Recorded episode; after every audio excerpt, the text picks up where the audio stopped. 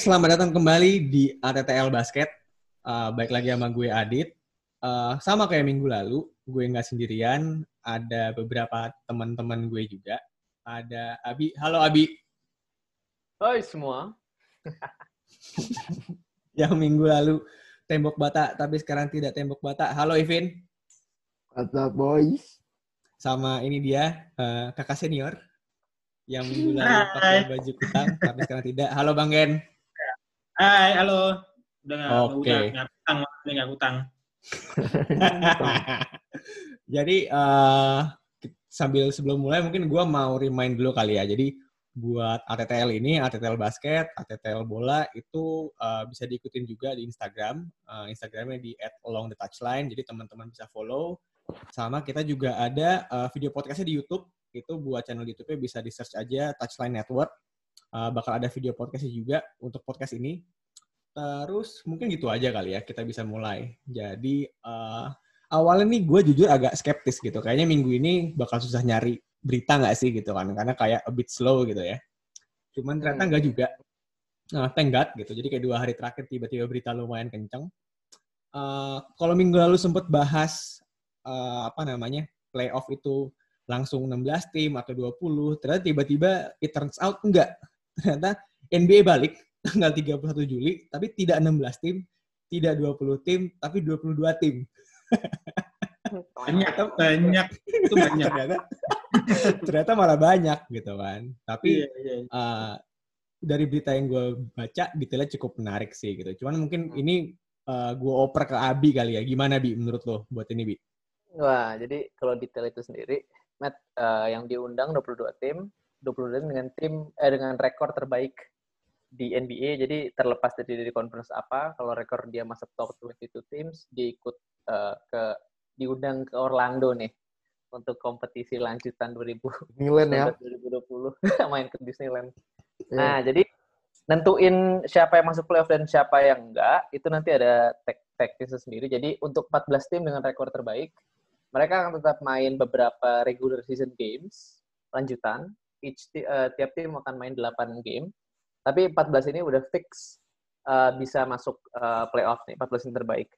Nah, itu yang 14 terbaik adalah kalau mau disebutin dari Milwaukee Bucks, Toronto Raptors, Boston Celtics, Miami Heat, Pacers, Sixers, Lakers, Clippers, Nuggets, Jazz, Thunder, Rockets, Dallas, and Memphis. Nah, sisanya yang nggak ikut, eh nggak pasti, itu ada Wizards, Trailblazers, Pelicans, Kings, Spurs, sama Suns, sama Nets. Nah, jadi si yang sisanya ini mereka harus berlomba-lomba untuk bisa mengejar eh, seat nomor 8 di tiap conference, yaitu adalah sekarang Orlando Magic dan eh, Memphis Grizzlies. Jadi kalau misalnya nanti setelah semuanya 8 kali main, terus tiba-tiba rekor si nomor eh, tim nomor 9 di conference eh, East atau misalnya Wizards eh, sama Orlando Magic bedanya di bawah 4 game atau dua kali menang dua kali kalah secara total rekornya, mereka akan ada kayak double elimination playoff. Jadi mereka akan main tiga kali, di mana seat nomor 8 untuk mengunci eh, posisi mereka di playoff itu cuma butuh menang sekali, tapi sisi nomor 9 yang tipis nih bedanya di klasemen, mereka harus menang dua kali dari tiga game itu, eh dari eh dari game yang akan dimainkan itu supaya mereka bisa masuk ke playoff untuk membalap si nomor 8. Jadi itu namanya double elimination game.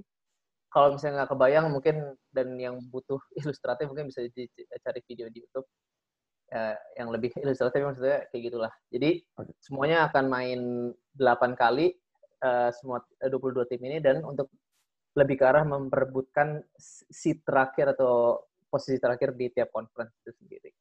Tapi Menarik ya seru, seru. Sesuatu yang baru sih, sesuatu yang terobosan yang ya pokoknya mesti ada aja pokoknya. Tapi bagus juga sih, kayaknya lumayan juga tuh. Di di mana di, di udah udah pasti ya, berarti di, di Disney itu udah pasti ya berarti ya. Di Orlando ya udah pasti sih. Orlando dia. Ah. Pasti. Hmm. Kalau dari operasional berarti kepotong banyak tuh. Karena dari gamenya kelihatannya yang emang udah nggak ada, sorry, peluang besarnya mereka buat masuk playoff tuh langsung nggak dikasih kesempatan lagi. Jadi Siapa sorry? kayak tadi Abi bilang, Hmm. iya buat tim-tim yang peluang buat masuk playoff-nya udah nggak gitu gede, mereka udah nggak libatin lagi. Jadi terbatas buat Hmm. 22 tim. Dan Ya. tujuh tim itu top 7 from each conference itu mereka rebutan buat kalau seedings kan uh, di sistem biar yang uh, juara satu ketemu sama yang juara dua tuh nggak langsung di awal tapi bisa jadi di akhir. Makanya kalau di NBA playoff yang seeding satu ketemunya bakal sama yang delapan duluan. Yeah. jadi yang satu sampai tujuh mereka rebutan di situ di urutan siap. Mungkin hmm. mereka pada takut ketemu Lakers sekali ya ini misalnya. Atau itu benar sih juga Masih ya. tetap Lakers betul tetap dan menurut gua uh, yang mungkin menarik sini yang tadi Abi bilang yang double elimination system saya ini jadi Eh, tim-tim yang ada di urutan 8 itu mereka ada kemungkinan di challenge sama tim yang di urutan ke-9 dengan catatan perbedaan gamesnya itu nggak melebihi 4. Jadi kalau misalnya ternyata seeding 8 sama 9 jumlah gamesnya itu lebih dari 4, itu udah otomatis tim 8 bakal lolos. Tapi kalau ternyata uh, tim nomor 9 itu dia gamesnya nggak lebih dari 4 sama tim nomor 8, itu mereka bakal ada tiebreakernya lagi. Jadi bakal ada match lagi yang kayak tadi Abi bilang. Jadi uh, bisa dibilang hot zone juga nih buat nomor 8. Meskipun Banget. udah turutan masih di challenge juga. Jadi menarik. Jadi kalau dilihat dari sini, gue sih ngeliatnya bakal lebih seru di ini perebutan seeding 8 hmm. kelihatannya. Dan kalau dari uh, from its conference itu kelihatan tim-tim yang uh, bakal berebut di sini tuh seru-seru sih. Mungkin ini gue serahin ke Abi. Gimana Abi menurut tim-tim yang bakal seru apa aja? Yang pasti seru kita lihat ini lah. Tapi Om Ken bener NBA is all about business. Zion pun akhirnya di, ikut diundang ke Disney. Udah pasti. Itu udah, udah pasti. pasti. Tapi ya itu sih, kalau misalnya yang seru ya, hmm, yang pasti uh, beri, jadi kalau misalnya sekarang buat uh, sedikit gambaran dikit, Grizzlies uh, sama Blazers sama Pelicans itu bedanya cuma tiga sama Kings itu bedanya cuma tiga setengah game. Uh, Spurs pun cuma beda empat game sama Grizzlies dan Phoenix Suns pun hanya beda 6 game. Jadi ini masih all for all for grabs. Cuman karena schedule kita masih belum tahu 8 game ini siapa akan ketemu siapa. Menurut gue sih dengan kondisi kayak gini mungkin Trail Blazers bisa sih nyalip di list kalau misalnya kalau dari gue ya hot take gue. kalau di di East sih, nah mungkin Wizards um, kayak nggak sih Magic tetap tetap ini sih terlalu solid Bahasa basi sih Wizard sih. Cuman Magic gue bagus sih Wizard. Yang bingung ini sih, soalnya kan uh, eh, gue juga sempat dengar dari podcast lain gitu kan. Jadi akhirnya gue nyontek nih, gue liat lagi. Ternyata sama Nets pun juga tipis gitu kan. Cuman uh, eh, gue jadi kepikiran gini, uh, kalau misalkan Nets, Magic sama Wizards, uh, kira-kira bakal ngadu nggak sih? Gitu loh. Soalnya kayak, hmm. ya ternyata awalnya kan gue pikir tuh yang tipis cuman Magic Wizards kan. Cuman ternyata dicek yeah. lagi, ternyata Nets yang di peringkat 7 itu juga poinnya juga, menangnya juga baru 30 game doang sama Magic juga cuma sisi setengah poin gitu. Ini sebelumnya gue pengen make sure dulu deh. Jadi dari 11 tim ini, dari its conference-nya 11 tim, itu mereka bakal bertanding 8 kali dulu semuanya. Ya, ya tapi nggak 8 match. Sorry, nggak 11 dari each conference, jadi 22 tuh benar-benar irrelevant. Ah, power jadi power jadi kalau dihitung kan 13 dari west 9 9 dari east. Oh, ya. kayaknya pakai power kayak power oh, pakai power ranking ya berarti ya Oh, oh, standing okay. doang sih. Standing, standing, standing. Standing doang. Standing, soalnya, standing, hmm. season standing. Mm -mm. Soalnya dari uh, Hornets ke Magic tuh selisih gamenya tuh udah berapa nih? Udah tujuh game juga gitu. Jadi kayaknya nggak dibawa karena itu sih. Dan gue juga kayaknya mikir Wizards diajak cuman gara-gara ada traction ngambil Bradley Bill sih. Soalnya kalau misalkan hitung-hitung kan jauh juga ngejarnya gitu. Lumayan iya. kan, tapi dengan asas empat game itu tadi, Wizards secara matematis emang yang yang masih masih bisa. Masih bisa, ya.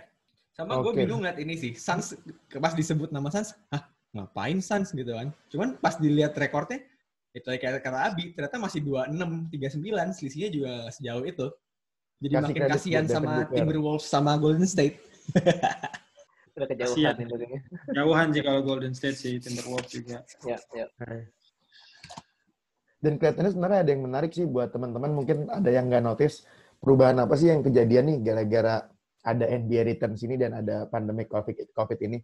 Kalau uh, in normal circumstance, jumlah normal eh, di normal season itu jumlah game buat setiap tim itu 82. Ah, ya, ya, ya. Karena kondisi kayak gini dan kelihatannya the show must go on, jadi dipaksain buat diadain dan kelihatannya dengan ada si konsep NBA Returns ini setiap tim tuh kemungkinan sebelum nyampe playoff mereka bakal bertanding sebanyak antara 72 atau 73 pertandingan.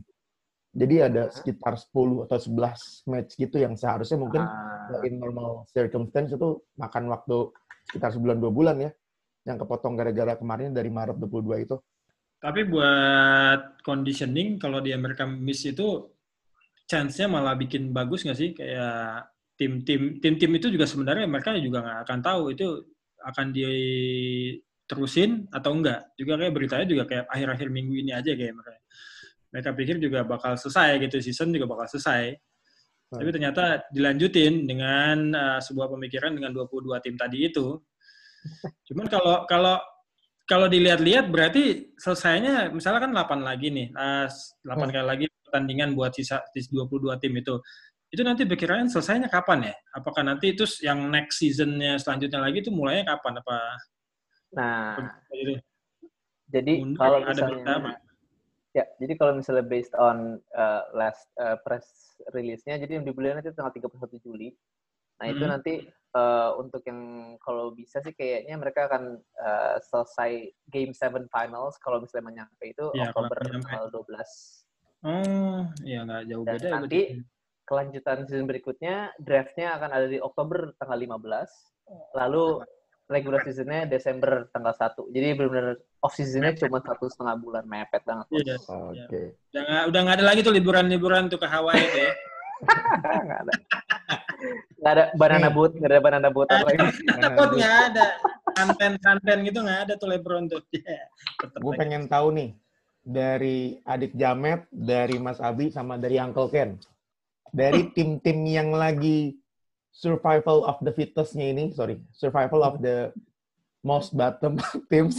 ini kira-kira lu megang siapa? Kalau tadi dari bisa kita sebutin tuh Hmm. dari main di East ya, itu dari Brooklyn sampai Washington sih. Kayaknya kalau dengan Charlotte dan Bulls juga masih bisa sih, tapi kayak gapnya tuh sampai 8 games antara Bulls dan Orlando Magic.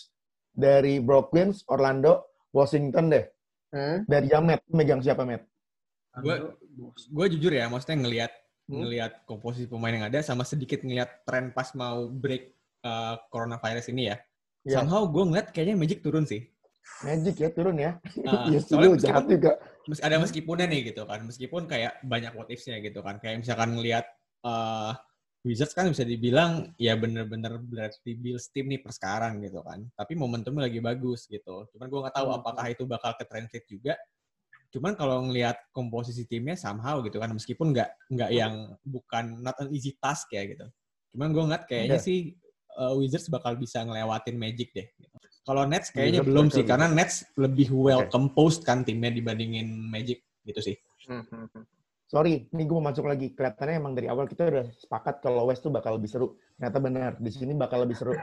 Menurut Om Ken dulu, ini West nih, kita bisa nyebutin eh, Dallas itu out of the question karena beda gamesnya 8 game sama yang juara ke-8. Yaitu Memphis, Portland, Pelicans, sama Kings. Lu siapa? Spurs Suns lah, Spurs lupa. paling itu lebih condong ke Yes. Memphis ya. Memphis sih kayaknya ya. Lu Memphis ya? Memphis ya. Ya, nggak tahu. Gue sih pakai feeling aja sih. Karena kan udah ngomongin Oke. ke mereka tuh keadaannya kan eh, gimana ya? Chance-nya tuh sebenarnya sama kalau dilihat-lihat dari skill-nya, dilihat Oke. dari eh, apa namanya, isinya. Tapi ini lebih lebih ke feeling sih kayaknya. ya. Dan gue Feeling sebenarnya ya? jam sih, jamoran sih. Oke, Segitu. Jamal Moran. Nice, menarik. Dan yang mungkin yang seputar dengan NBA Returns ini, kita ngeh ada eh, pemain yang agak-agak ngambek kemarin nih. Itu yang tadi diangkat sama Mas Abi juga. Eh, sorry kalau gue ngomong gini. Portland, Portland Cry. Blazers. Portland Cry Blazers. Lu megang megang beliau atau siapa? Mas Abi? Oh, gue kalau misalnya harus ke double elimination game, kalau si Portland bisa ngejar uh, within, sekarang udah within four games sih, tapi kalau sampai double elimination game, menurut gue Portland akan menang lawan Grizzlies. Again, Grizzlies. coaching Terry Stotts lebih mantap daripada Taylor Jenkins, which is very lumayan inexperienced. And then Damian Lillard kalau di playoff atau di crunch Gila time elimination Gila. game, udah udah in lah. Dan timnya juga Oke. dia, dia bisa lebih berpengalaman. Tapi Oke, ini semua Hah? semua kayaknya semua kayaknya sukanya megang underdog deh pasti. bener, bener, bener, bener, bener.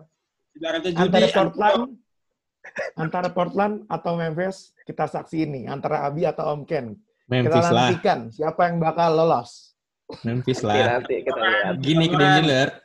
Soalnya, soalnya gini sih. Tau nggak? Lillard. Lu pada ngeliat pada ngeliat gue gini-gini tuh bukan berarti gue dukung Lillard enggak gitu. Justru kebalikannya, kebalikannya justru dibalas. Ini ada ada sentimen fantasinya nggak nih? Enggak ada. Oh, enggak ada sih. Gue ada sentimen ya. Tapi bukan sentimen ya? fantasi. Tahu nggak kenapa? Pure. Salah satu alasan kenapa gue nggak gitu font sama Trailblazers adalah karena mereka ngambil Melo, men. Jadi kayak Melo udah, Melo. udah lewat, lewat. Gitu sih. Oh, iya. Oke, oke. Panjang tuh panjang. Itu ada bahasan sendiri lagi nanti. Oke, Oke, jadi tadi terbagi eh, antara Grizzlies sama Portland ya. yes, Ah, kita Oke. tipis-tipis Tunggu itu sih. semuanya serunya kayak gimana. Tipis. Bungkus.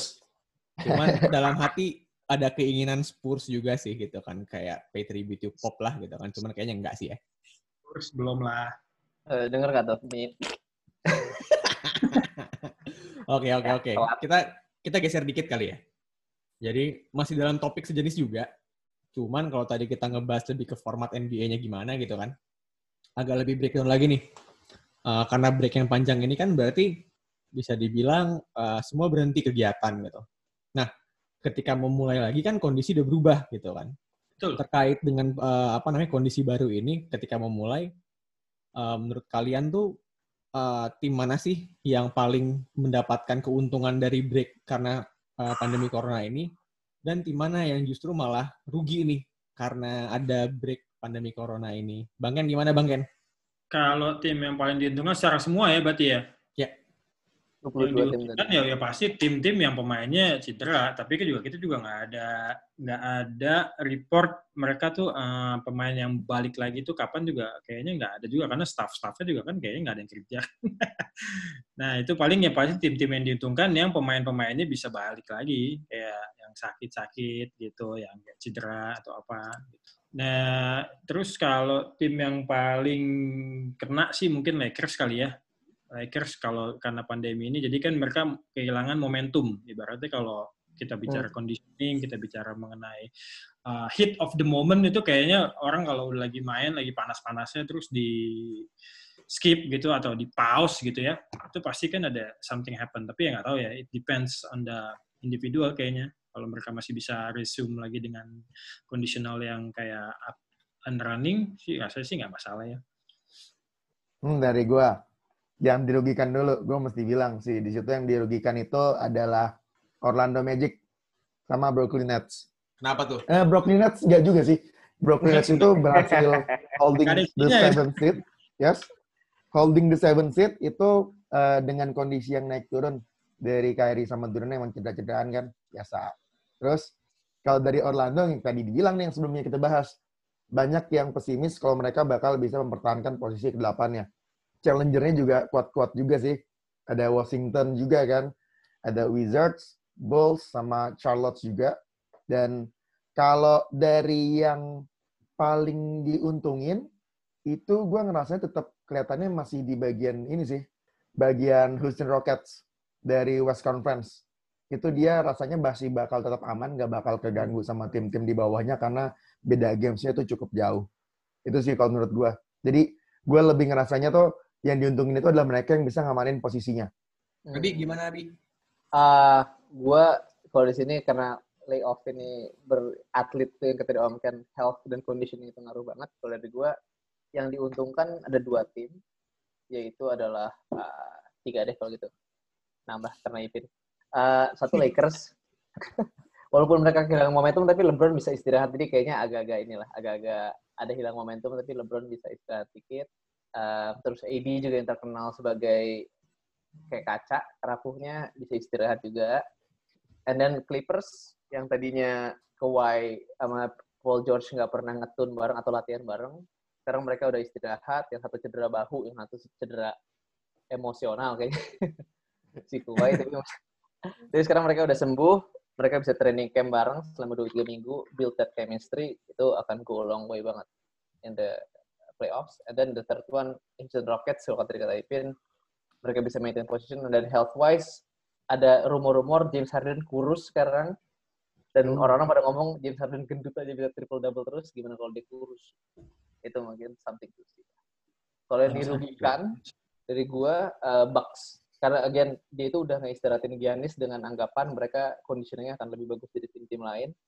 Eh berhenti. Jadi semuanya reset conditioning jadi ya mereka nggak dirugikan secara internal timnya tapi dengan sekarang udah keriset secara conditioning semua ya mereka yang tadi punya advantage jadi nggak punya advantage jadi ada ruginya di situ kalau dari gua Oh, Oke. Menarik. Oke, oke, oke.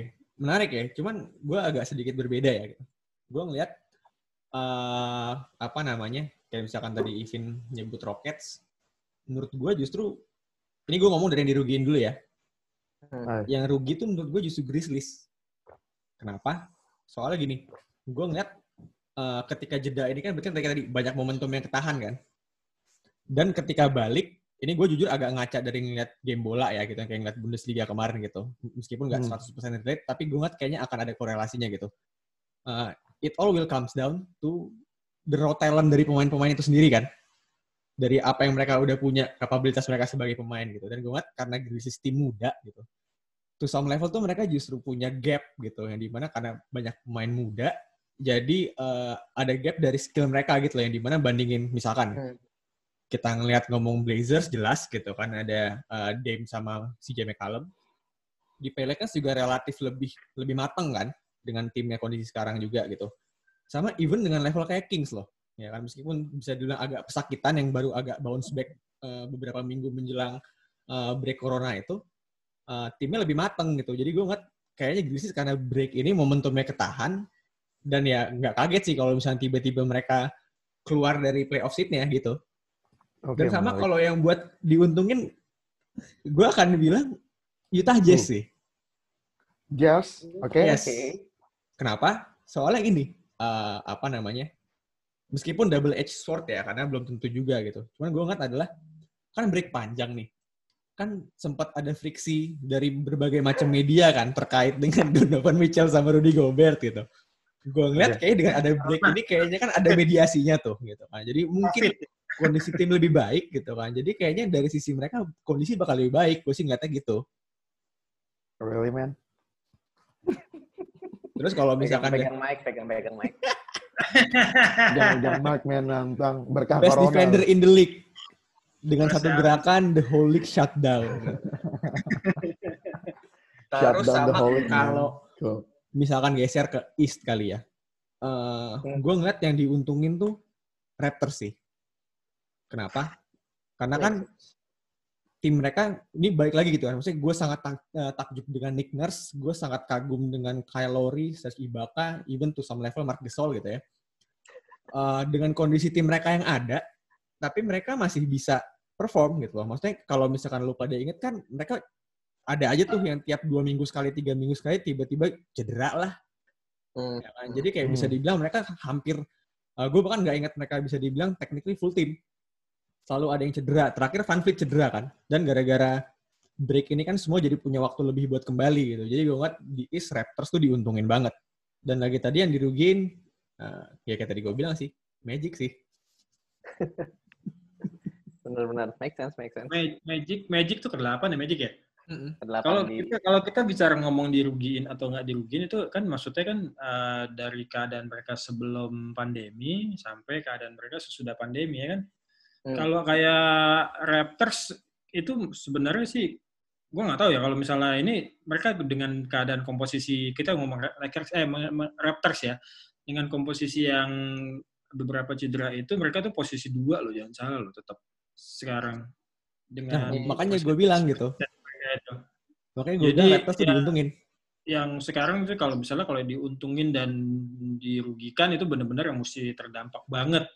Kalau diuntungin kalau mereka udah posisi dua sih terus kayak diuntungin kayaknya juga nggak terlalu nggak terlalu signifikan gitu maksudnya dengan Mhm. capaian mereka. Artinya kan keadaan mereka sebelum pandemi udah bagus gitu. Sekarang sesudah Hmm. pandemi ya ah, tetap bagus gitu. Berarti akan lebih steady bagus gitu.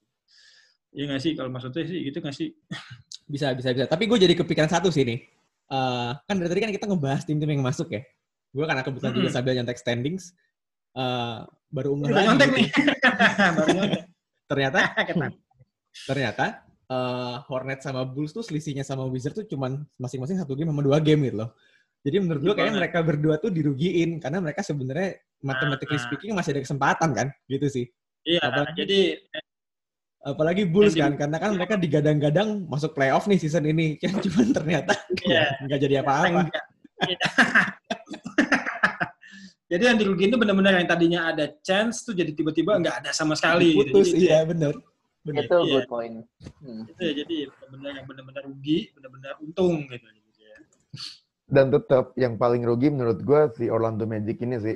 Dia diapit in between dua tim yang tadinya nggak full. Yaitu Wizards without John Wall, kalau misalnya balik, dan Brooklyn Nets without Kyrie and Durant. Iya. Aduh, pas banget nih.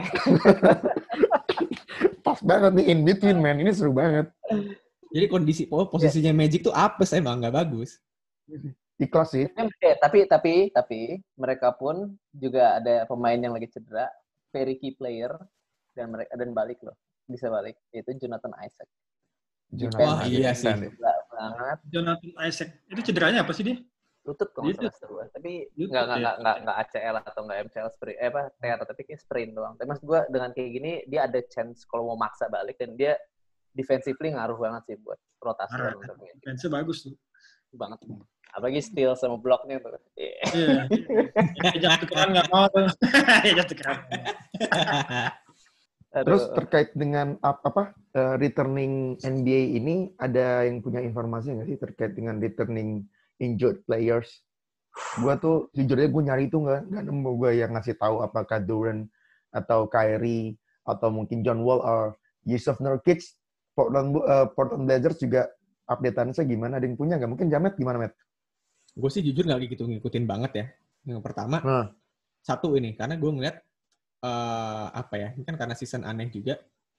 Jadi gue ngeliat semua orang pun jadi fokusnya nggak ke sana gitu loh, karena gue juga nggak gitu ngikutin beritanya Hmm. gitu kan. Cuman kalau misalkan berandai-andai nih gitu, Eh, jujur gue ngeliat kalau misalkan dengan asumsi Kyrie sama KD balik gitu, menurut gue tuh malah bakal jadi PR buat Nets sih gitu, karena kan mereka belum pernah main bareng. Chemistry-nya bakal keganggu sih kalau menurut gue ya. Sama Oke, ini kalau gue gue tuh sama level ya berharap justru misalkan kayak buat The Wizards Wall justru jangan balik dulu karena biarin Momentum. jalanin momentum timnya Bill jalan gitu gitu sih Oke, menarik, menarik. Dan Iya. eh, kenapa? Om Ken, Uncle Ken nih. yang, yang pernah gue baca itu ya si Uh-huh. John Wall itu dia sebenarnya tuh udah sehat dia sebenarnya udah sehat dia Oh. udah udah normal gue baca di mana gitu ya tapi Oh, konspirasi eh, nih. Emang emang dia tuh somehow tuh kayak disimpan gitu ibaratnya. Nggak tahu deh gimana. Cuman gue lupa. Sama begitu juga kayak KD juga. Kalau KD kalaupun dia uh, declare dia tuh udah sehat juga. Kalaupun dia declare misalnya udah green light gitu ya buat main dia juga akan decide juga akan play out sitting out gitu di season.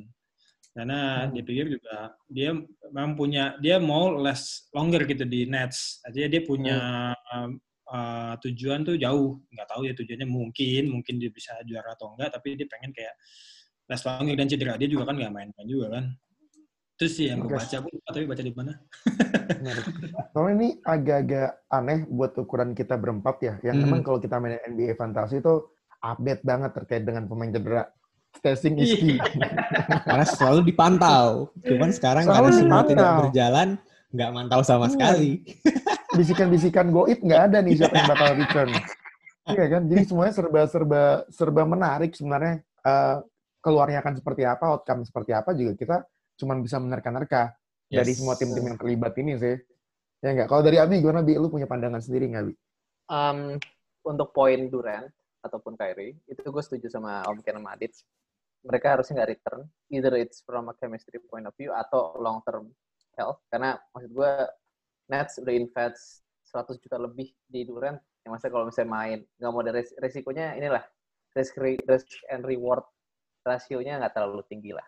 yes gue mau nambahin Abi dikit sih dari sisi Nets Boleh, juga boleh. kayak mereka juga udah planning sebenarnya kan buat Kyrie sama KD itu emang season ini nggak bakal main gitu jadi kayak ya nggak bakal dapat Hmm. apa-apa juga kan kalaupun mereka balik gitu sih sorry Bi, boleh lanjut lagi Tuh, santai.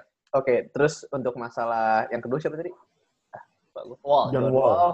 Oh, itu juga gue ini rada rada bimbang sih karena menurut gue kalau dia main di kadar kayak itu 15 20 menit karena menurut gue Wizards perlu review chemistry dia dengan uh, Haruki Hachimura dengan Thomas Bryant karena secara cap space mereka dua kontraknya Wall sama Bill tuh super super gede dan itu kalau misalnya mereka nggak make a decision in this off season mereka bisa bahaya tuh next next in the next off season Hmm. Hachimura atau Thomas Bryant butuh extension yang karena mereka bagus duitnya juga makin banyak bisa berabe itu kalau nggak dicek chemistry-nya. Tapi again long term versus short term ya itu Wall masih on the fence tapi untuk masalah Nurkic ya dia harus balik sih. karena gue iya sih, punya harapan setuju besar, gue. punya harapan besar banget dan kalau misalnya dia balik dia tuh bisa bikin tandem sama Whiteside Ya, di mana setuju. Whiteside goes out Nurkic bisa comes in and then bully that second Yes. unit all over the West. Itu gue setuju. Karena tuh. West big, big man sangat-sangat kuat dan menurut gue Portland di awal musim punya krisis big man mereka sampai harus mainin Melo di 4, Zach Collins di 4. Namun sekarang Banyak dengan eksperimennya. adanya Brooklyn bisa balik, yep, mereka bisa full rotation. They gonna make noise. That's why Blazers per Grizzlies. Yes, tapi tapi gue tetap sih gitu kan kayak Dame Lillard. Aduh, gue somehow gara-gara gara-gara apa ya dengan dengan arogansinya dia gitu ya.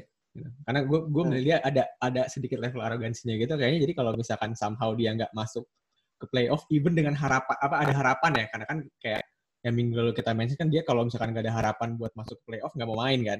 Ini udah ada harapan tiba-tiba Iya. terus dia nggak masuk lagi somehow gue ada ada kenikmatan dari situ gitu.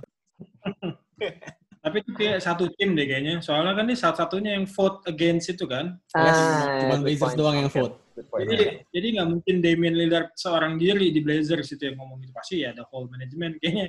Atau mungkin dia mempengaruhi manajemen yang lain kali. Oke. takut, di, takut dibikinin ini kali, distract.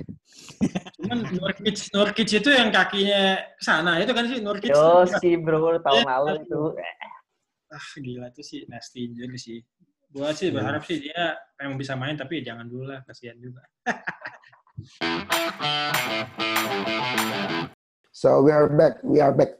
Sekarang eh, barusan kita habis eh, ngebahas terkait dengan eh, standings tim-tim yang bakal ikutan di NBA Returns. Tadi itu ngebahas terkait perebutan-perebutan posisi ke-8 dan ke-9 dan ke-7 dan tim-tim yang dirugikan juga sama yang diuntungkan. Dan tadi muncul pertanyaan pas lagi off air ini dari Adit, dari Jamet. Ini tim-tim yang nggak masuk NBA Returns nggak dapat apa-apa nih dan jujur aja gue nggak tahu sama sekali jadi gue langsung nanya aja menurut lu gimana Mas Abi apa yang mereka dapat kira-kira dengan kondisi seperti ini ada nggak Mereka mendapatkan kesempatan untuk tidak terjangkit COVID dari rumah masing-masing. Stay safe, stay healthy. Dan, sorry. dan kalau dari patternnya kan tim-tim yang emang mereka nggak masuk playoff tuh mereka thinking buat nyiapin timnya biar jadi lebih siap dan dari Hmm. tim-tim yang mungkin investing from this kind of concepts kira-kira yang paling menarik tuh siapa satu tim Hmm. Kalau dari gue sendiri, Minnesota Timberwolves. Secara yang core, mereka punya Cat, mereka punya um, Dilo, Dilo. mereka punya Dilo, ya, true, mereka punya Dilo. Terus ada satu rookie itu Jared Culver. Nah. Jared Culver, itu ya. menurut gue oke banget. Menurut gue oke banget. And then mereka juga punya kayak small role players kayak yang masih muda dikit, uh, kayak misalnya si uh, Juan Ho, Juan Cho Hernan Wanjo. Gomez. Mereka punya Wanjo. veteran presence di James Johnson itu defensive Savang Oh iya, dia juga ke Wolves ya? Yo, nah karena ditukar waktu dari ini kan sama si uh, Treat Treat Covington. Nah, terus mereka secara draft pick juga kayaknya quite ini quite banyak uh, banyak draft pick juga. Kalau gue cek itu mereka punya beberapa draft pick dari tim-tim lain walaupun mereka karena pada waktu trade sama sama Covington, Covington tuh kan di, di dicari-cari banget sama tim-tim yang punya potensi juara karena 3 and potentialnya dan mereka bisa leverage itu menjadi beberapa uh, future first round picks kayak ada yang dari Wow. Brooklyn and, ya, terus and and then kayak ada juga uh, second round draft pick dari Philadelphia sama Denver and so on and so on jadi menurut gua they won that whole trade dan sekarang mereka punya future yang bagus sih. Yes, optionnya lebih banyak ya. Setuju gue sama Abi. all those draft picks itu buat musim depan Oh enggak enggak itu uh, kalau yang Brooklyn kayak 2000 ada ini sih buat musim depan tapi ada protection ya. Oh, I see. Jadi mungkin Jadi buat teman-teman yang kurang paham terkait dengan draft picks ini, itu tuh satu kesempatan buat tim yang megang draft picks ini buat ngambil pemain dan semakin gede urutannya like kayak first pick, second pick yang kayak yang suka kita dengar juga. Itu kalau Timberwolves kayak gini dia punya banyak draft picks, meaning dia punya kesempatan buat dapetin pemain bertalenta muda ke depannya banyak. Karena itu ngambilin draft pick dari tim lain juga kan, hasil dari trade. Yo, Apalagi Wi, dari lo. udah itu menurut gue Minnesota Oke. dari si komposisi Minnesota Timberwolves. draft pick. Dan Di tadi guarding kelihatannya Wolves, yang gue mau paling- nambahin dikit Yes, sih. yes, Wolf. Gue mau nambahin dikit sih. Maksudnya, Hmm. eh, pilihan gue sih sebenarnya bukan mereka gitu. Tapi very good point tadi dia bilang. Sama gue juga mau nambah. Hah? Karena mereka menang di Ryan Saunders sih menurut gue. Maksudnya, one of the best upcoming young coaches bandingin yang lain gitu kan. Jadi Hmm. kayak ngeliat chemistry-nya bakal oke juga. Dan ada ini sih, ada apa ya? Ada romantisasinya juga gitu kan. Karena kan dia anak dari mendiang Chip Saunders kan. Hmm. Jadi kayak Hmm. ada nilai sentimennya di situ juga gitu. Sama itu tadi sih Ya. karena eh, dengan dengan aset yang mereka punya itu mereka bisa tinggal pilih nih lo mau mau go all out di sekarang atau mau bertahap tuh mereka bisa gitu. Cuman kalau gue Oke. pribadi jujur ini meskipun nggak nggak nggak technically bukan tim yang non playoff ya, cuman gue selalu tertarik dengan Phoenix Suns sih gitu. Kenapa? Soalnya gue ngeliat dengan even sebenarnya dengan komposisi tim mereka yang ada sekarang, gue akan bilang mereka underachieve. Karena pas ngeliat uh, komposisi tim awalnya kan, gue cukup seneng ngeliat seorang Ricky Rubio itu pindah ke Suns. Itu ke Suns. Kenapa? Karena menurut gue, gue gini, Devin Booker di Suns kan bisa dibilang hampir dua season terakhir number one guard kan. Literally Iya. baik secara nomor eh, secara nomor maupun uh, apa namanya ball, primary ball handler-nya kan. Yang di mana Iya, iya, menurut iya. gue one dimensional, uh, semua gampang nebak, tapi begitu ada Rubio kan uh, dinamikanya sangat berubah kan.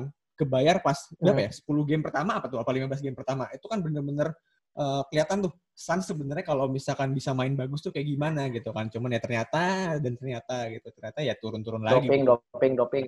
Yes, cuman menurut gue juga juga apa namanya uh, future buat mereka menurut gue oke sih gitu. Karena kayak core piece udah mulai kelihatan kan. Sama gue lupa kalau salah tolong koreksi gitu. Yang megang Monty Williams sekarang kan. Un- Dan gue ngeliat dari itu juga ya itu tadi gitu. Uh, dengan pengalamannya dia bisa ngebawa Suns kayak gitu menurut gue juga udah cukup cukup bagus gitu. Jadi menurut gue Suns sih yang masa depannya lumayan terlihat Hmm. cerah gitu. Hmm, menarik. Dan mungkin terkait dengan Ricky gue ya gimana? Om? Gue rasa giliran gue ya sarnya. Oh iya, giliran lo, giliran lo. Ih, mana nih, Mas? itu pengen ngomong gitu. Berarti nungguin, dari tadi nungguin. Oke, kalau- untuk uh, um, Antokian waktu dan tempat silakan. Siap. Which team eh, yang paling punya brightest future itu pasti kalau gue sih the one and only lah. Iya, lah. Treyang lah. Treyang tuh pasti. Treyang lah. Dan kenapa gue bilang si Hawks? Karena musim ini mereka tuh dilanda masalah banyak banget gitu. Kayak si John Collins suspend tuh banyak banget gamenya. Terus si Clint Capella yang mereka baru acquire itu cederanya udah gila-gilaan ya. Tapi tanpa itu juga Treyang tuh eh, gila gitu ya. Treyang tuh gila deh. Jadi kalau misalnya mereka balik semua, wah tuh gue nggak tahu deh. Bagus sih, harusnya, harusnya sih bagus sih. Itu kita cuma kayak kebagian game tuh berapa ya dari John Collins ya kemarin begitu dia return, Hawks tuh langsung bagus gitu. Jadi uh, emang sama-sama muda, sama-sama uh, hungry and foolish gitu kayak hungry of the game gitu kayak. Ditambah lagi uh, nanti kalau ada edition si Clint Capella-nya return from injury heal 100%, wah gila sih. Terus dia Hmm. punya uh, rising star juga kayak Kevin Huerter tuh. Itu Kevin Huerter gue suka banget sih dia. Terus kayak uh, sayang sih mungkin Carter ini jadi bakal jadi musim dia ya terakhir tapi gue nggak tahu deh. Tapi tanpa dia pun juga dia punya satu lagi uh, senior tuh yang nggak kalah itu si Jeff Tick. Nah itu Jeff Tick tuh mentor si Kembali ke sarang. Treyang banget tuh kayak Treyang. Jadi ada senior yang membina si Treyang sih gua rasa sih masa depannya sih cerah sih, saksi. Ya, ya, ya. Kalau gue boleh nanggepin Om Ken sama uh, Adit, Hmm? Boy, Suns menarik benar coaching role players. Tapi dan tapi gue kalau misalnya gue harus memilih di antara lo berdua, gue milih Om Ken sih. Senggak sukanya gue sama Trey yang dengan Gue baru mau diban. Treyang adalah pemain favorit Abi. Kumis jenggotnya itu gue Tapi dia tuh jago Tapi- banget, dia jago banget. Dia tuh parah. Dia jago. Dan, gue sejujur gue lupa ada Capella sih. Capella tuh dan mereka jadi sekarang lengkap satu dua tiga empat lima dengan ada Iya. DeAndre Hunter, Kevin Huerter Iya, dan, betul betul. dan pre- veteran presence di Jeff Teague. Ya benar sih. Ya, Balance gua Gue mau nambahin kalau bicara soal Phoenix ya, jangan lupa Rubio itu selain umur, dia tuh juga fragile dan Hmm, hmm. dia tuh juga mungkin kayak si siapa namanya Devin Booker ya, Devin Ya. Booker itu Hmm.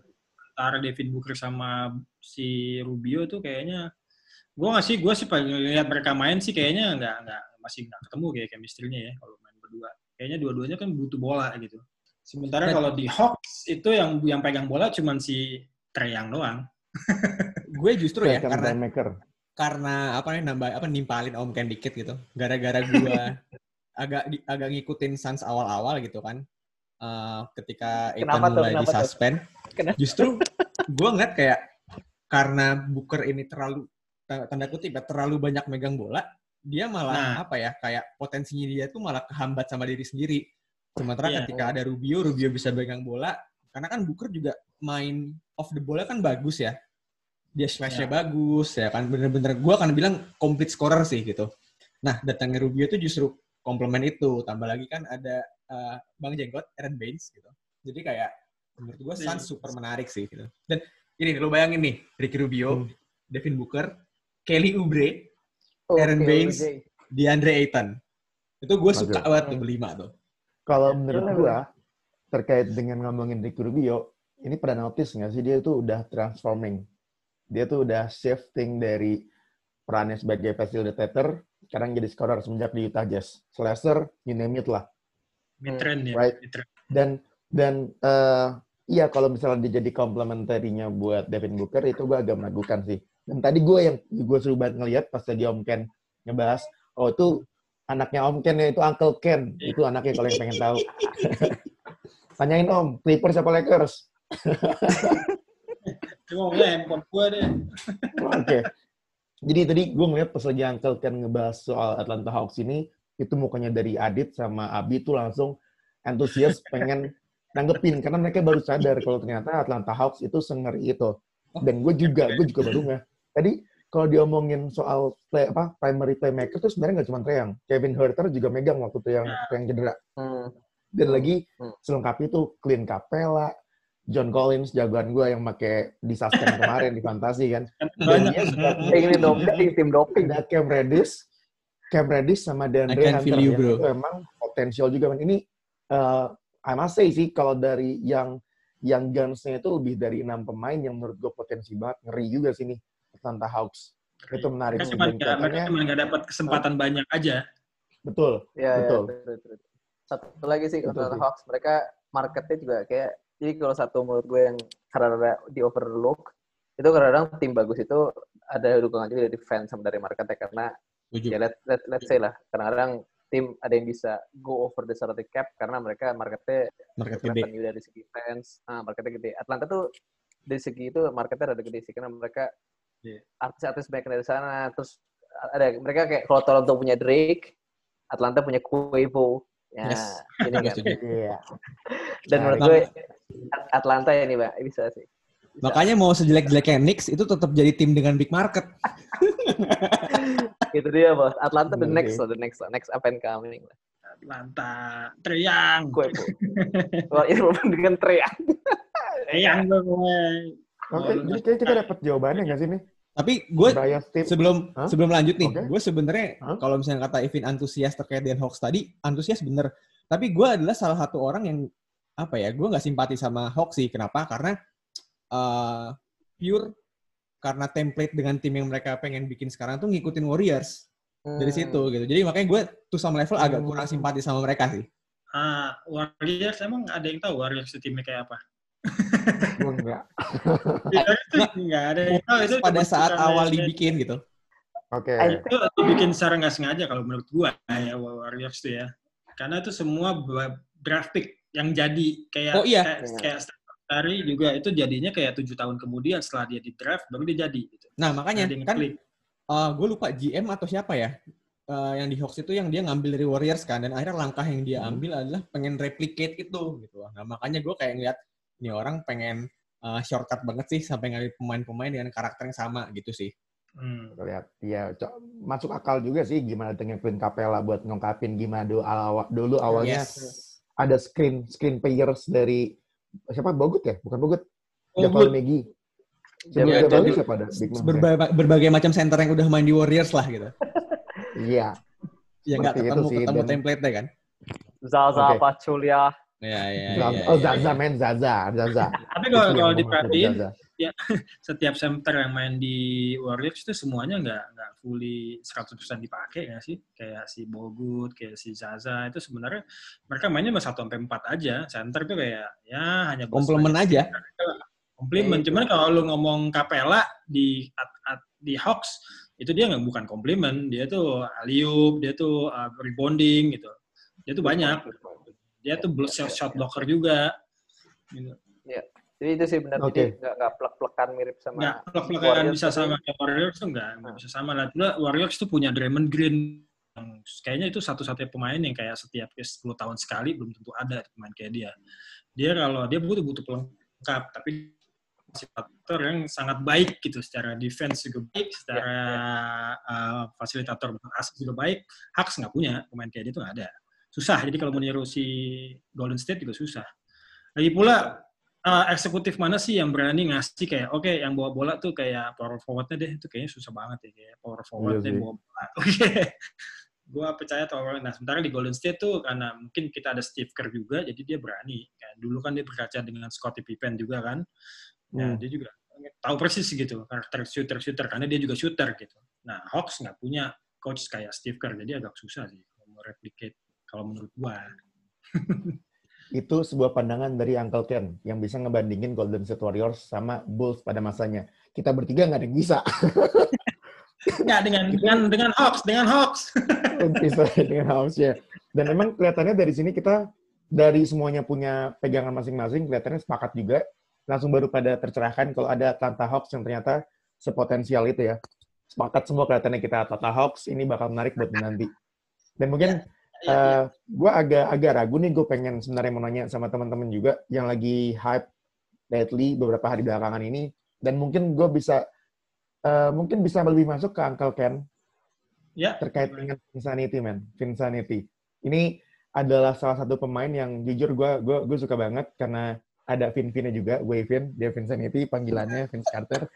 Bahkan there was this moment di mana uh, akun games gua itu ID-nya adalah Vincenity, man. Itu keren banget kan. Bukan Linsanity ya, Vincenity ya.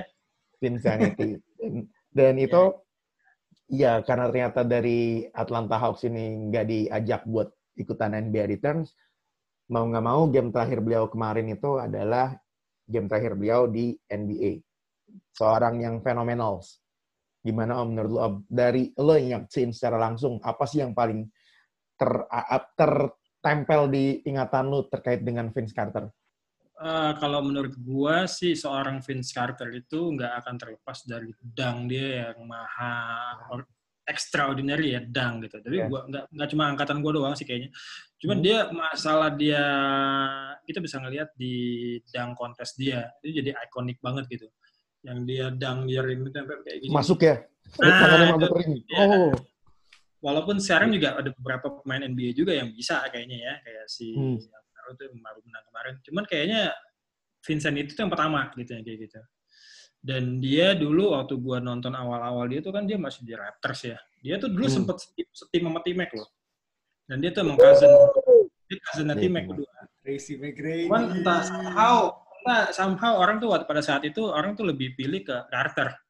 Padahal Nah, padahal ke Qatar. Padahal sih kalau dilihat nih, kayak mungkin saat pada masa itu kayak si James Harden waktu di OKC, itu juga dengan tim Max waktu di Raptors. Dia butuh tim baru, jadi dia bisa stand out. Jadi balik lagi ke Vince Carter, itu orang pasti nggak akan lepaskan dia dari titel dang master.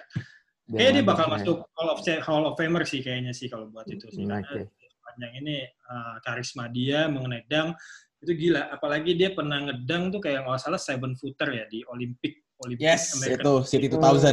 Nah, kalau bisa ngelihat di YouTube, dia tuh ada tuh Vince Carter. Yang kan? Nah, langsung the whole, the whole body gitu. Yes. Pertama. Itu, dan itu di international game Ya. Jadi bukan kayak Dangmontes. Kalau di Dangmontes kan orang diam gitu ya. Itu enggak, dia emang di international game dan emang mereka tuh compete berdua negara itu dengan Amerika waktu itu. Itu Setuju. yang gitu, gila sih. Dan ini terkait dengan tadi Om Ken bilang sempat setim sama tim Mac. Gue pernah nonton di dokumenternya VC juga. Itu emang dari beliau ngomong sih. Pada kala itu eh, beliau ngerasa overshadowed by sepupunya sendiri tim Mac. Yes. Dan kebetulan karena bajunya di belakang nih. Yang mungkin gue rasa nih orang diem-diem tahu nih lebih lanjut mengenai tim Mac. Pendapat lu gimana Bi? Um, kayak waktu itu kalau nggak salah uh, ada decision di mana the front office juga harus kayak James Harden kalau misalnya mau keep core ini it's too expensive karena pada saat itu kayak si Raptors juga punya uh, someone in the name of lupa gue siapa Davis itu centernya yang Antonio Davis uh, ya? cukup bagus dan Antonio Davis, Antonio Davis itu Chris cukup, Bosh. cukup bagus Belum nyampe Om, Chris Bosh. belum nyampe tapi maksud gue kayaknya mungkin mereka nggak bisa nge-keep core itu and ya itu dan akhirnya McGrady jadi uh, jadi ko- ko- ini jadi apa namanya jadi korban yang Dilema alpha di- male. ini dilema alpha male bener tapi Iya, ya maksud gue ini sih it 99 kayaknya. Turn out good. 99. ya, turn out good for everyone maksudnya kalau nggak. McGrady nggak keluar dari situ mungkin mereka dia nggak akan bisa achieve superstardom jadi NBA scoring champ Nah, ini nih yang mau Iya, gue kan. tiban nih sebener-beneran nih. Soalnya, Ah, Tuh, tuh, Ah. sorry, sorry, sorry, oh mau silakan, Bang Ken duluan. Pada Ah. waktu itu, pada waktu itu yang menarik tuh di situ ada Del Curry, bapaknya Oh. Stephen Curry. Di Raptors, berapa Bayangkan, tahun itu? Di Raptors Oh, tahun 99 2000 itu Del Curry. wow. Itu pemain Oke. senior waktu itu. Jadi dia sempat compete sama Vince Carter. Jadi itu kayak masa transisinya dia, terus Vince Carter masuk. Oke, Oke. gue mau nimpalin Abi tadi Ah. ya, karena kebetulan nyambung banget sih. Jadi Ah. eh, kebetulan gue lupa eh, nonton di mana, cuman intinya gue ini dapat dari beberapa source yang berbeda juga. Jadi ada dari sisinya Vince Carter, ada dari sisinya Tracy McGrady juga gitu. Mereka berdua tuh to some level sepakat gitu, kayak penyesalan terbesar mereka adalah mereka nggak mau put aside their egos buat mau main bareng gitu loh. Karena kalau misalkan kita sama-sama ingat kan eh bisa kayak tadi Abi bilang mereka nggak bakal bisa achieve apa yang mereka udah achieve gitu. Sebenarnya ada pertanyaan lanjutnya. Eh, to be exact, achievement mereka apa sih gitu? Maksudnya accolades mereka sebagai pemain itu apa gitu kan? Yang maksudnya itu pasti bakal jadi perdebatan buat mereka eh, apakah bisa masuk ke Hall of Fame apa enggak gitu kan. Buat kita-kita yang bisa dibilang menikmati permainan mereka, itu kan pasti jaminan nggak sih pasti masuk lah mereka. Bagaimana mereka bisa apa ya menjadi sebuah influence? Maksudnya kalau misalkan buat yang mulai ngikutin basket, let's say misalkan di era-eranya mereka berdua mulai naik kan pasti ngeliat mereka berdua banget kan, gitu loh. Jadi kayak ada uh, melihat dua sosok ini adalah sosok dewa gitu kan. Tapi baik lagi yang tadi mau gue sampein, mereka berdua tuh sempat itu tadi menyesal kenapa mereka nggak mau main bareng gitu. Karena kalau misalkan gue juga dengar dari beberapa sumber berita lain, banyak yang bilang banyak uh, what if-nya lah gitu kan. Kalau misalkan mereka berdua bareng, berarti kan mereka nggak harus menaruh beban tim masing-masing di apa namanya di bahu masing-masing kan. Yang di mana akhirnya tim Mac cedera, Vince pun juga gitu. Jadi kayak kalau gue ngeliat yang sangat disayangkan adalah uh, terlepas dari apa ya pencapaian individu mereka yang bisa dibilang sangat outstanding. Cuman kalau gue pribadi justru ngeliat sayang loh. Maksudnya buat Vince Carter jujur gue nggak gitu nggak gitu tahu karena gue tim tim Mac. Gue juga agak Hmm. ki- kibatnya ke Abi gitu. Kayak salah satu idola gue di awal main basket adalah Tracy McGrady. Sangat Hmm. disayangkan adalah uh, turunnya uh, turunnya tim Mac tuh drastis loh pas di Rockets. Gitu sih. Kalau kita Oh, menarik. bicara mengenai Rockets pada saat T-Mac, dia tuh achievementnya tuh kalau nggak salah final-final wilayah deh kalau nggak salah itu. Ya, Western Conference Final. nyampe. Dengan ada bantuan Steve Francis sama Yao Ming, jangan salah. Yao Ming tuh number one pick. Dan itu dia tuh uh, lumayan di dia uh, average sekitar 22 sampai 24. Ya, nah, T-Mac waktu itu 26 atau 27. Emang kalau kita uh, compare T-Mac sama si Carter ya gue mesti emang mesti ngasih T-Mac tuh ini ya uh, lebih gitu karena emang T-Mac emang secara individual tuh dia bisa score, dia bisa ngedrive, dia bisa three point, dia bisa apa. Sementara Carter ya cuman ya kalau orang bilang ya gedang doang. Emang gue juga akuin T-Mac tuh yang lebih jago. Oke. Dan kalau sebenarnya yang kita tahu ini secara awam, kita tuh we always known him as an explosive players selama ini. Iya nggak sih? Dari dunks yang gila-gilaan dan ada signature dunks juga kayak gitu dan ternyata dari gue coba-coba riset dan tadi Mungkin lebih lebih canggihnya lagi kalau misalnya kita tanya langsung sama Mr. of the Stats, Mr. of Stats, Mr. Abi. ini gue agak-agak ngelihat perubahan yang secara awam dari si visi ini, Insanity, alias Eric Canada, dari yang main eksplosif sampai tiba-tiba bahkan di beberapa musim belakangan ini beliau buzzer beater. Jadi range shooter banget gitu men. Amin buat ukuran yang kemarin sempat kita bahas di podcast sebelumnya. Si Adit takut ngelihat Zion main tuh yang eksplosif banget dan gak bisa transisi. Ini kita nyaksiin seorang Vince Carter yang emang mainnya eksplosif banget terkenal mungkin 10 tahun lebih tiba-tiba jadi range shooter itu itu mulai kapan sih bisa kayak gitu? Bi? Jadi kalau saya hitung-hitung nih Pak. Nah, ya. jadi intinya tuh uh, kalau kita bisa tarik garis di mana mungkin Vince berubah jadi pure scorer slasher menjadi uh, pure shooter itu di tahun 2009 10 ke 10 11. Jadi emang situ kita tarik garis di situlah jadi kalau 2009 2010 ke belakang itu uh, Vince Carter chapter 1 di mana dia jadi alpha dog, slam dunk, yes. slasher, physical player, explosive di Toronto Raptors dan Nets. Cuma sejak pindah ke sejak menjadi journeyman dari Suns, Orlando, Memphis Kings itu dia udah uh, secara persentase 40% dari shotnya itu udah three point. Jadi emang dia udah lebih nunggu di di three point di three ya, point buat tinggal nembak doang dibanding hmm. harus ya spot up shooter dibanding harus gue cek cek dan ngedrive atau jadi range. Jadi itulah ini the, the, the cut off point. Ngeri juga berarti ya. Dapat bola di luar, pack dulu, kalau lompat drive, facial, kalau nggak lompat dia naik. Kenapa, kenapa, Dit? Mau nambahin dikit sih gitu kan. Jadi yeah. kayak banyak kan pemain eh, pemain-pemain yang emang bisa dibilang atletis ya. Dengan uh, atletisisme yang tinggi hmm. kan benar-benar sangat stick dengan itu tuh gitu kan. Jadi kayak benar-benar mau sampai kapan pun mereka akan base permainan mereka tuh ke situ gitu kan.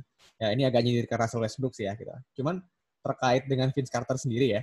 Uh, in some manner gue respect sama dia gitu karena kan nggak banyak orang yang aware terkait dengan kondisi fisik dia kayak gimana gimana caranya dia mau adapt dengan liga kondisi liga yang terus berkembang. Karena NBA sendiri kan benar-benar sangat dinamis kan. Dan apalagi uh, Vince sendiri kan ada di masa yang di mana transisi dari yang it's all about mid range gitu kan tiba-tiba delik uh, geser dengan adanya Golden State Warriors gitu kan. Benar-benar mulai heavy ke three point shooters. Nah Vince sendiri emang bisa keep up dengan itu. Dan akhirnya dia tahu oh fisik gue juga udah nggak bisa keep up untuk ini nih. Ya gue menyesuaikan aja yang cocok dengan role gue di tim gimana gitu. Itu gue jujur sangat respect dengan dia untuk itu sih. Sama satu lagi. Okay, sih. Uh, apa namanya? Mungkin banyak yang nggak aware. Ini gue lagi-lagi gue lupa uh, source dari mana. Gue lupa nonton video YouTube siapa. Sebenarnya kalau misalkan ada yang kaget nih wah Vince kok tiba-tiba jadi three point shooters yang bagus ya? Uh, Padahal dia kalau misalnya ditarik datanya, kalau gue salah tolong dikoreksi karena ini gue juga lupa-lupa hmm. ingat source gimana.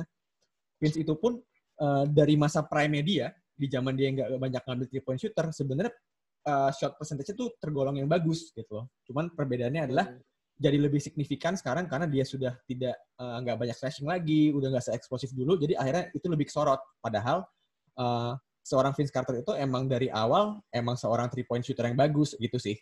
Jadi kayak skill three point shooting dia tuh kayak overlook dengan bagaimana eksplosifnya dia gitu. Jadi kayak ya Vince Carter tuh bener-bener to some level, to some level ya gue akan bilang ya quite complete as a scorer gitu sih. Ya, oke. Okay. Ini sebenarnya uh, masuk akal juga yang di Adit bilang. Jadi kelihatannya Vince Carter ini emang kayak a good shooter to begin with ya. Dan emang kalau diperhatiin uh, emang shot percentage-nya bagus dan tadi gue coba uh, ngebahas sama Abi juga sebelumnya itu semenjak beliau pindah dari New Jersey Nets dan mulai uh, nyoba-nyoba ke Orlando Magic, Phoenix Suns, dan terus ke Memphis Grizzlies, itu yang meningkat itu adalah shooting attempts-nya. Shot attempts-nya, sorry. Jadi hmm. bener-bener emang emang udah sebenarnya emang jago nembak kali ya, tapi semenjak udah mulai makin tua dan emang ngikutin gaya permainan dari tiga tim yang mungkin kita sempat sepakat itu tiga tahun yang gak jelas buat beliau, ternyata bisa jadi momentum buat transformasi ke menjadi seorang pure bukan pure shooter juga jadi range shooter juga kayak gitu itu sih menarik sih dari seorang uh, Vince Carter dan mungkin sedikit buat share aja yang mungkin kita taunya tuh Vince Carter tuh momok yang emang mewakili banget uh, Toronto Raptors atau New Jersey Nets waktu dia main bareng sama Jason Kidd. Ada yang tahu nggak dia di draft sama siapa?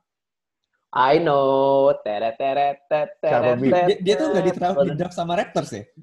Golden No, State man, no. Golden State. Golden State Warriors. Ya, ya, ya, ya.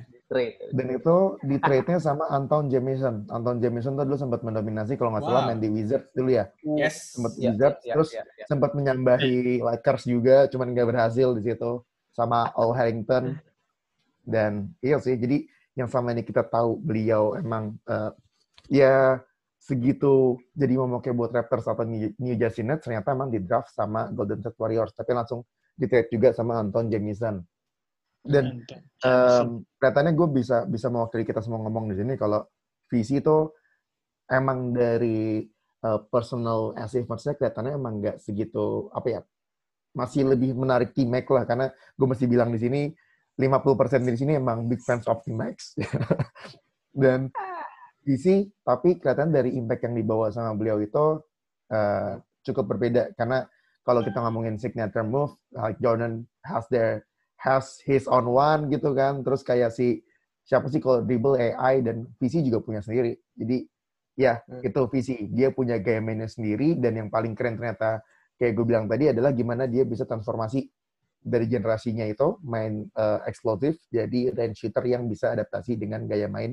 NBA kekinian Ya. gitu sih. Gue mau dari ja- gimana mungkin gue mau nambahin mengenai si Carter ya. Sebenarnya kalau Yes. ki- kalau dia udah berhenti main kayak tiga tahun atau empat tahun lalu sih, dia juga akan dibahas seperti sekarang ini sih kayaknya. dia dibahas banget karena dia hype itu karena dia the oldest player Yes. in the NBA sekarang. Hmm, itu sih right. Ada poinnya. faktor longevity Jadi- juga sih. pertama kali orang tuh ngelihat siapa yang paling tua yaitu Vince Carter. Vince Carter tuh apa? Jadi baru Hmm. dia bilang gini-gini. Padahal sih kalau pencapaian, kalau misalnya apa dia NBA champion juga nggak pernah kan. Dia cuma kayak Betul. slam dunk champion gitu. Cuma karena dia the oldest player who still in the NBA nowadays, nah makanya dia Mhm. balik banyak bahas. Itu sih kalau menurut gua sih. Cuman kalau Jadi kita gimmick. uh ya banyak eh macam-macamnya banyak sih. Cuma sih kalau menurut pribadi sih itu sih. Ya, dia the oldest mau- aja. nambahin bangken dikit gitu ya. Maksudnya kalau Hmm. misalkan apa namanya eh eh, apa namanya secara sepintas lah gitu. Orang juga pasti lebih aware Vince Carter sebenarnya daripada T-Mac. Somehow ya gitu kan. Tadi yang pertama kayak Bang Ken bilang karena dia officially the oldest player to ever play in an, uh, NBA game gitu kan.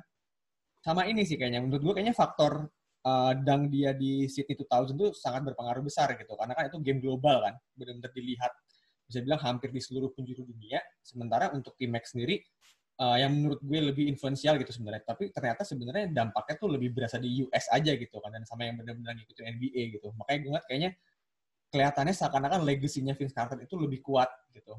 Jadi meskipun accomplishment-nya mungkin gak segitunya tapi uh, impact yang udah dia bikin yang nempel di kita tuh sangat berasa gitu kan dari uh, build up dari dang dia di Olimpiade itu sampai akhirnya dia membangkitkan slam dunk kontes yang udah bisa dibilang nggak menarik tiba-tiba ini jadi sesuatu yang menarik lagi nih di NBA gitu jadi kayaknya bener-bener age-nya Vince Carter dari tim tuh legasinya sih sebenarnya Hmm, Oke, clear.